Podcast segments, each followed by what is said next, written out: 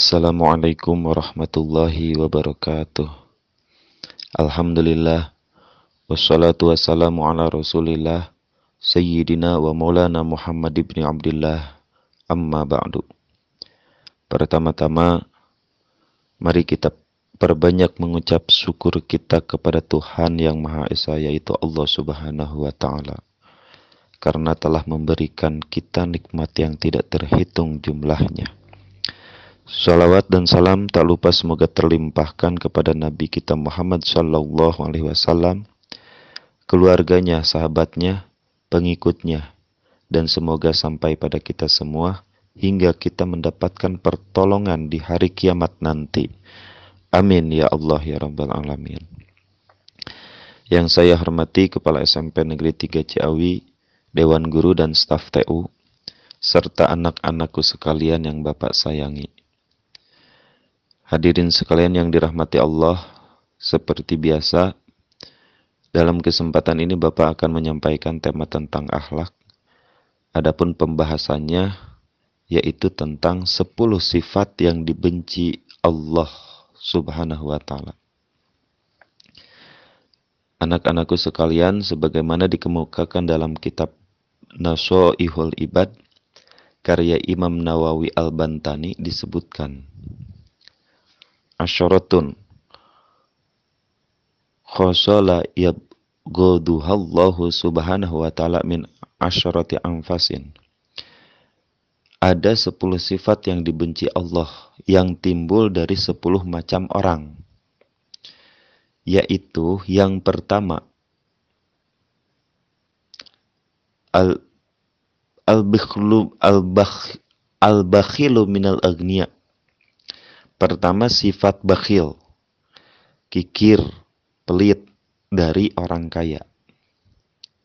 Sifat bakhil melenyapkan sifat kemanusiaan dan menetapkan sifat kebinatangan. Terlalu sayang sama harta akan menyebabkan pelit dia lupa harta itu bisa diambil sang pemiliknya yang hakiki, yaitu Allah Subhanahu wa Ta'ala. Kapan saja dia lupa harta itu justru menjadi sarana ibadah, harta bisa dijakatkan, infak, sedekah, membantu kaum duafa, dan lain-lain. Yang kedua, wal kibri minal fuqara. Kesombongan orang fakir. Orang yang kaya sombong itu mungkin normal ya, tapi sebetulnya tidak boleh sombong. Nah, ini lebih parah lagi orang orang fakir sombong. Sombongnya seperti apa? Termasuk sombong takabur adalah tidak mau menerima kebenaran, tidak mau menerima nasihat, dan tidak mau berdoa kepada Allah Ta'ala. Itu sombong. Udah mah miskin, tapi tidak mau berdoa kepada Allah. Yang ketiga, watoma minal ulama, yaitu ketamakan dari ulama. Ulama harus memberi teladan kepada umat Islam untuk bersikap sederhana, tidak rakus atau tamak. Ulama merupakan tokoh panutan umat, jadi harus memberi contoh.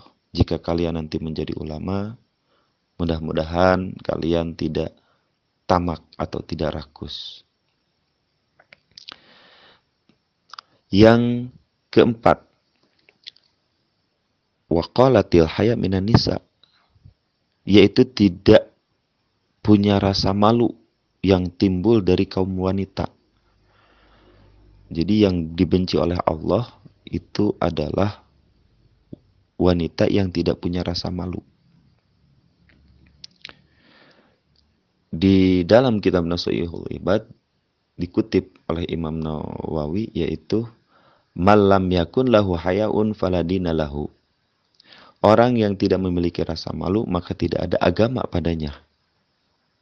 Wa malam yakun lahu hayaun fid dunya lam yadkhulul jannah. Siapa saja yang tidak malu di dunia niscaya ia tidak akan masuk surga. Jadi malu itu ternyata penting. Terutama bagi kaum wanita karena e, kaum wanita misalnya apa? Kaum wanita yang tidak punya rasa malu misalnya yang tidak menutup aurat, tidak berbusana muslim, sudah tahu batasan aurat wanita itu seluruh tubuhnya kecuali muka dan telapak tangan. Ini malah pakai celana-celana yang kurang kekurangan bahan seperti itu. Itu tanda wanita yang tidak punya rasa malu. Yang kelima, wahubbud dunya minasyuyuh.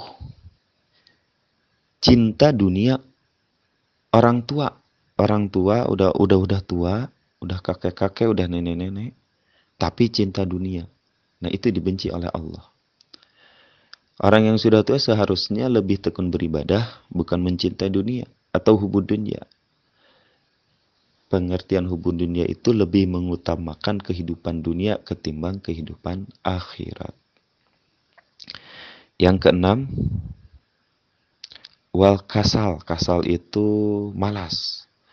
Fil a'mali minasyubyan e, dari jadi kemalasan yang timbul dari anak muda atau kaum remaja. Ini e, kaum remaja itu seumuran kalian.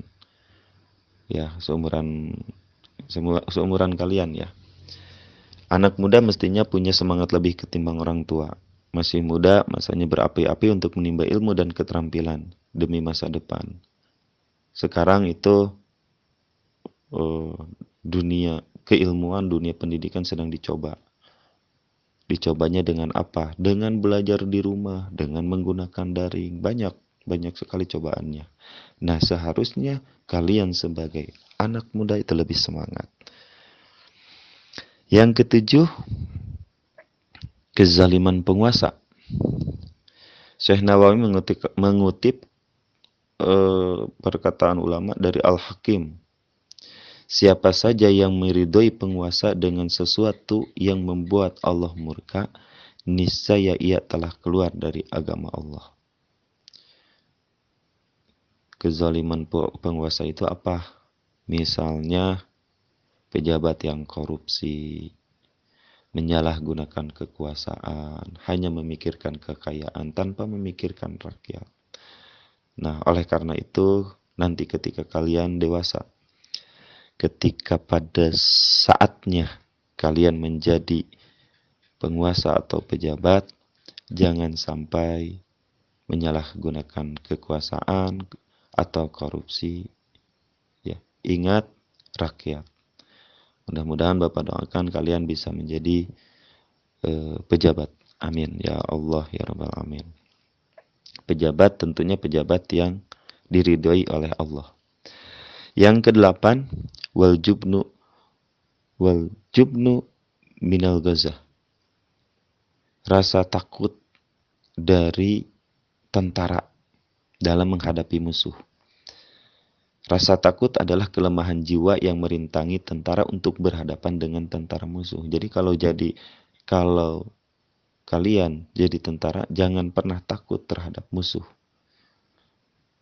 Caranya bagaimana? Caranya ya kalau perang ingat mati syahid itu lebih mulia daripada pengecut atau orang yang takut. Kemudian yang ke-9 ujub yang timbul dari kalangan orang-orang zuhud. Zuhud itu apa? Zuhud itu orang yang tidak suka dengan dunia. Artinya orang ahli ibadah. Tapi ibadahnya itu mengharap pujian dari Allah. Siapa saja yang memuji dirinya sendiri atas sebuah amal soleh, maka pujiannya itu salah jalan dan semua pahala yang dia seharusnya dapatkan gugur semua. Yang terakhir, yang terakhir yang ke-10 yaitu ria. Waria minal ibad. Ria yang timbul dari kalangan ahli ibadah. Ria adalah sikap ingin dipuji atau dilihat orang lain. Ibadah harusnya ikhlas, hanya untuk Allah Ta'ala, bukan mencari pujian dari orang-orang lain. Orang lain. Ria termasuk syirik kecil karena menyekutukan Allah dalam ibadahnya. Mengharap pujian dari orang lain. Mungkin eh, dari Bapak cukup sekian. Semoga kita menjadi lebih baik dan lebih bermanfaat bagi diri sendiri dan orang lain. Billahi taufiq wal hidayah wal afwu minkum. Wassalamualaikum warahmatullahi wabarakatuh.